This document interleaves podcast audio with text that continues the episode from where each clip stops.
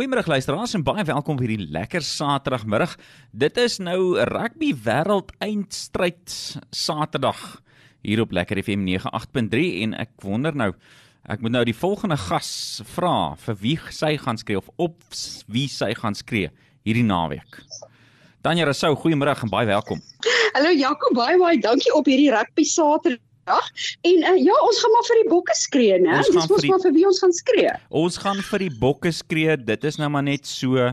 En weet jy, daar is ja. iets, daar is iets waarvan bokke hou. Ja, wat ek hoor. Bokke hou van groente. ek dink jy gaan sê blare.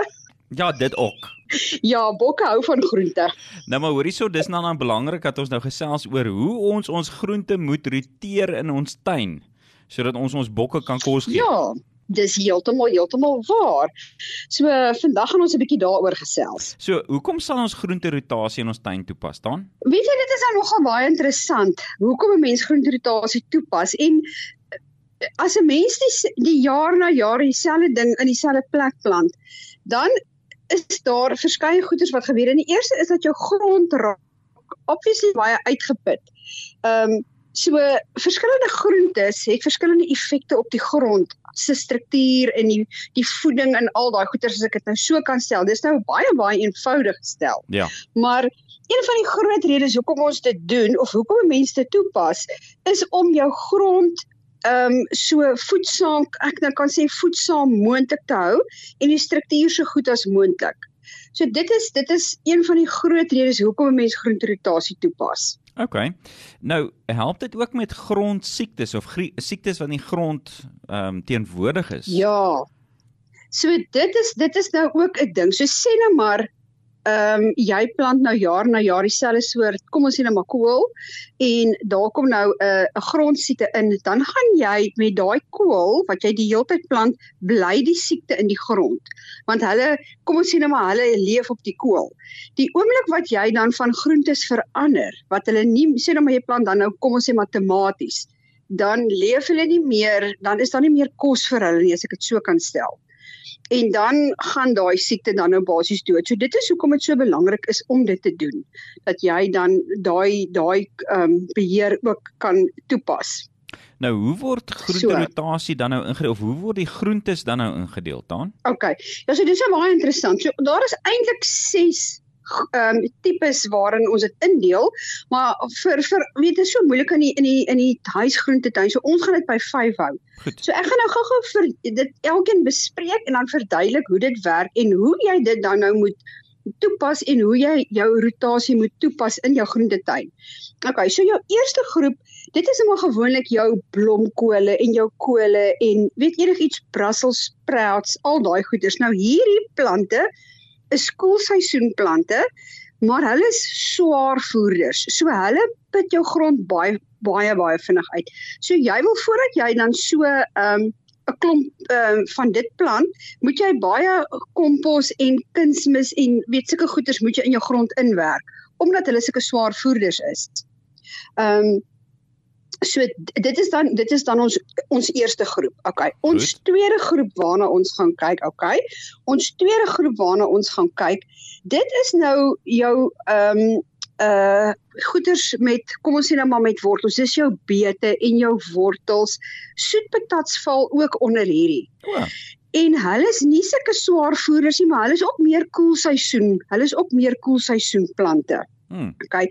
Hulle wil weer nie um uh kompos wat hoog is in in um kom ons sê net maar mis en dit.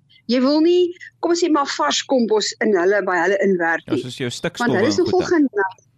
Ja, hulle is nogal geneig om misvorm te raak. Hmm. As dit gebeur. OK, so dis ons tweede groep. Goed. Ons derde groep Dit is nou tomaties en jou eiervrugte. Dit dit is nou daai waarna jy kyk aardappels val ook onder hulle en dan jou peppers, ehm um, uh spinasie en en en kool. Hulle val onder die derde groep. Ehm um, hulle doen hulle doen goed as jy as jy bietjie as jy kompos in die grond insit, maar hulle dit nie hulle dit nie nodig nie veral nie as jou grond ons noem dit 'n goeie hart het. Nou dit as jou grond 'n goeie hart het, beteken dit dit is 'n dit is 'n goeie grond. As dit kan ek dit nou so stel. Jou jou grond het 'n goeie hart. So goeie grond. So dis jou derde, dis jou derde groep.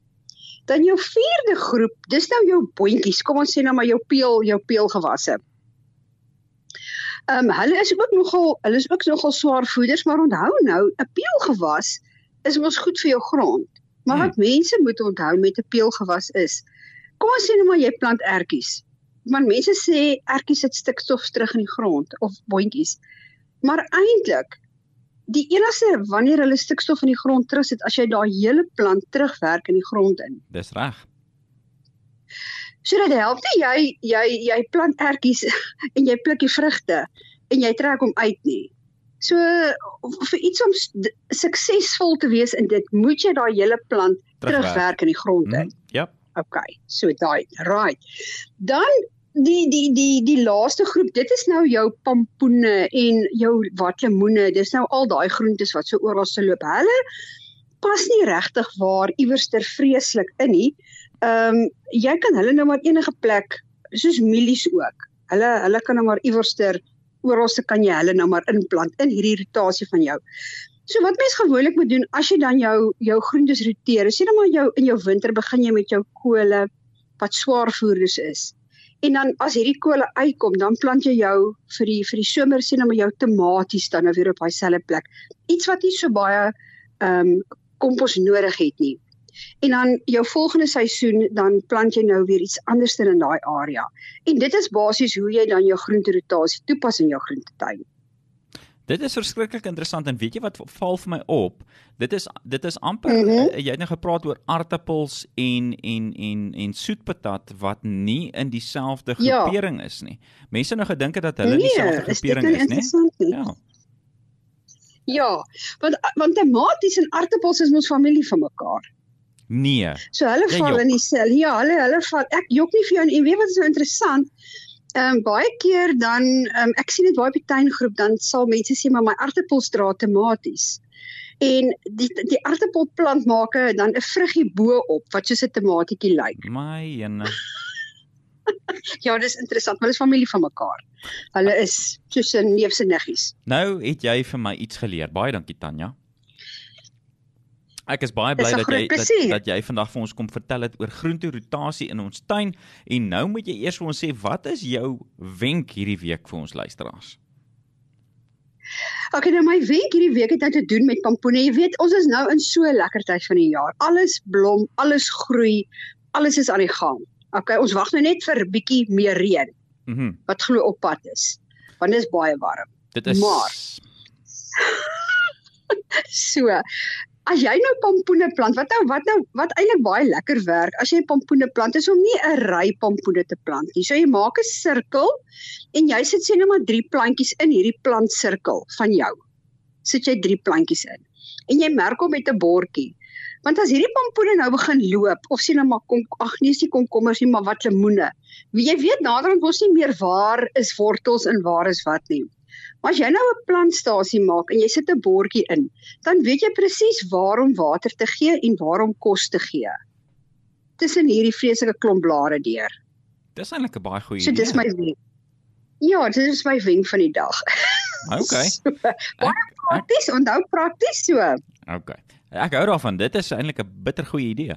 En en dan het jy nou ja. hierdie week vir ons 'n lekker plant geïdentifiseer vir ons luisteraars? Man ja, ek het, weet jy, ek het daar in die in die, in die kwekery geloop en toe vang my oog. Ag, weet jy wat? Ek sou liever 'n blou ding. En mense kry min regte blou blou blommetjies. En vandag is ons plant van die dag, hier is jou latynse les, is 'n Felicia amyloides. 'n Felicia amyloides. sien ek raak al al ja, beter. Is, yes, jy raak goed. en dit is 'n blou daisy. O. So jy gaan ons sommer so sien, hy's so pragtig, hy's so klein blou blommetjie met so geel gesiggie in die middel. Nou dit is 'n inheemse grondbedekker. Hy groei tot so 50 cm hoog. Hy maak so pragtige bossietjie. En hy is lekker gehard. Hy kan in volson staan, medium tipe grond, medium water. Jy moet hom nie te veel water gee nie.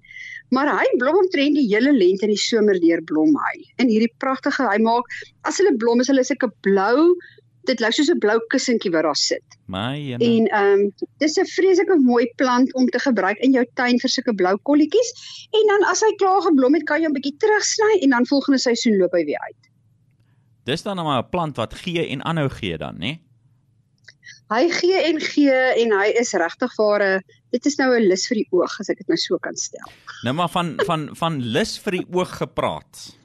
Ek hoop jy ondersteun nou vir Yes. Jessie Kriel vanaand daarso van jou van jou Hy man ek hy maar praat jy nou van van mooi goed hoor.